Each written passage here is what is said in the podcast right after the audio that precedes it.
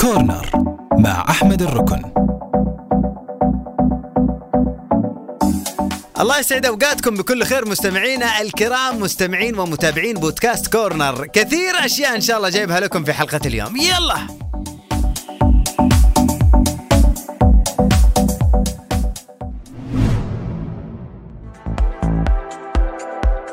خبر غريب.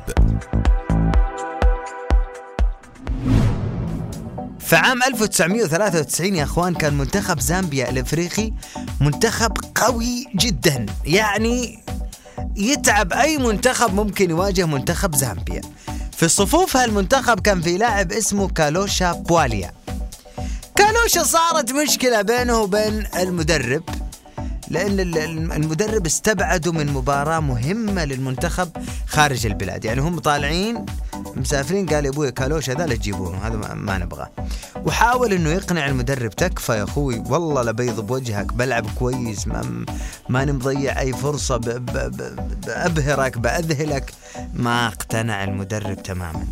كالوشا يوم سألوه قال أنا بكيت بحرقة وحسيت إن الدنيا ظلمتني واظلمت في وجهي بعد ما استبعدني هالمدرب.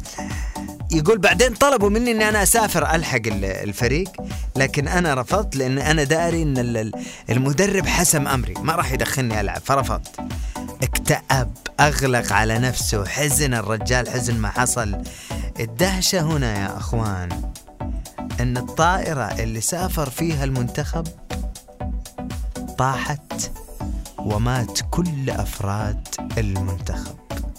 هنا يوم يقول لك الخيرة فيما يختاره الله عز وجل سبحان الله. أحيانا تكره الشيء ويطلع الله كاتب لك اللي أحسن منه. كالوشا اللي رأى أن العالم كله انتهى طلع هو اللي عاش ونجا.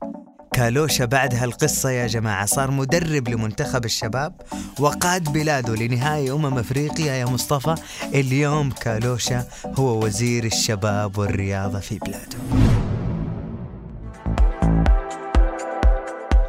قصة شخص.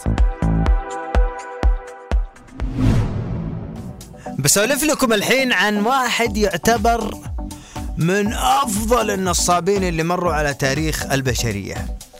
هذا النصاب يا جماعة ما أدري نقول اسمه ولا نستر عليه يا أخوان. قد شفتوا نصاب نصب على أربع رؤساء دول؟ نصاب نصب على شركتين خطوط عالمية؟ نصاب نصب على 12 دولة؟ فرانك أبغانيل تطلب 12 دولة لمحاسبته ومعاقبته وعمره 16 سنة استخدم شيكات مزورة لشركة بان الأمريكية وقعد في أفخم الفنادق والقصور على حساب شركة الخطوط بدون ما شركة الخطوط تدري. كيف نصب على أربع رؤساء دول؟ كان يروح لهم يقول لهم أنا مبعوث البنك المركزي العالمي الدولي القوي مرة. حلو. تراني أعرف حساباتكم السرية إيش فيها ما فيها. ف تبوني مهم، أقفل على الموضوع لا من شاف لا من سمع لا من رأى. قالوا أيوه إيش تأمر عليه؟ 2 مليون دولار. تفضل. صاحبنا بعدها بعد ما خلص من أربع رؤساء دول قرر إنه هو يصير طبيب أطفال. راح ضبط أوراقه وزورها وصار دكتور أطفال. بعد سنة كان حينكشف لأنه في طفل تعبان جاء وما قدر يعالجه. بعد كذا قرر يصير محامي. سافر وضبط أوراقه وسوى شهادات محاماة وهذا وبدأ يشتغل كمحامي. ما ضبط. مع الموضوع سافر إلى فرنسا وأصبح يشتغل ويعمل في شركة الخطوط الفرنسية. تفضل تفضل. يا أخوان القصة هذه اللي بقول لكم إياها قصة ما يصير إن أنت تتجاوزها بدون ما تستفيد. اكتشفوا في فرنسا إنه نصاب اخذوه الحكومة الفرنسية وحكمت عليه. كفشوا الحكومة الفرنسية وحكموا عليه وبعدين أخذوه الحكومة الأمريكية عشان يعاقبوه، بعدين فكروا قالوا ليش ما نستفيد من هذا النصاب القوي جدا؟ واضح إنه عنده مخ استثنائي، فعينوه مستشار فأصبح من نصاب كبير إلى مستشار في أمريكا. في مثل هذا اليوم. يا جماعة قبل كم يوم كان يوم الكسل العالمي. أكثر دولة مشهورة إنها أكثر دولة مشهورة إنها تحتفل بهذا اليوم هي كولومبيا. هذا المهرجان ينظمونه في كولومبيا سنويا من عام 1985 يعني قبل ما أتولد أنا بأربع سنوات تقريبا ما شاء الله. يجوبون الكولومبيون الشوارع بأسرة وملابسنا يلبسون بجايب وياخذون أسرة بكفرات عرفت كيف؟ ويقعدوا يفرفرون بالشارع. وشعارهم ترى الشغل مو بكل شيء في لحظات للراحة والاسترخاء على السرير. هذا هذا الشعار حلو؟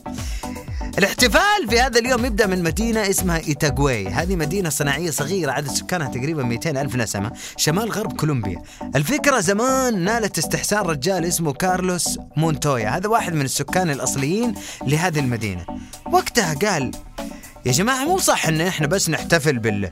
بالإنجازات والأعمال التجارية والصناعية اللي إحنا مشهورين فيها لا لازم نحتفل كمان بالكسل والاستمتاع بالحياة. اقتنعوا الجماعة جماعة وربع وعيال عمه اقتنعوا بالكلام ذا قاموا اعتادوا الكولومبيين في مدينة تاكوي بالذات إنهم ينقلون مراتب وأراجيح شبكية للشوارع في يوم الاحتفال بيوم الكسل العالمي ويصير في هذا اليوم فعاليات كثيرة زي مثلا الاحتفال بمسابقة أفضل بيجامة. هذا راعي أفضل بيجامة ذا؟ يكرمونه. الله بيجامتك مرة ما شاء الله.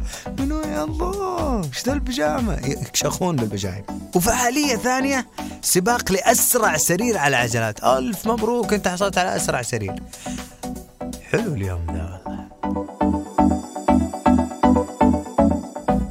شكرا لكل اللي كانوا معنا ويستمتعون ويسمعون لنا دائما في بودكاست كورنر. دائما حلقاتنا تبث على كل المنصات على يوتيوب ألف ألف FM وأيضا على منصة بوديو وأيضا على تطبيق أنغامي وأيضا على تطبيق ألف ألف FM. شكرا. bye bye bye.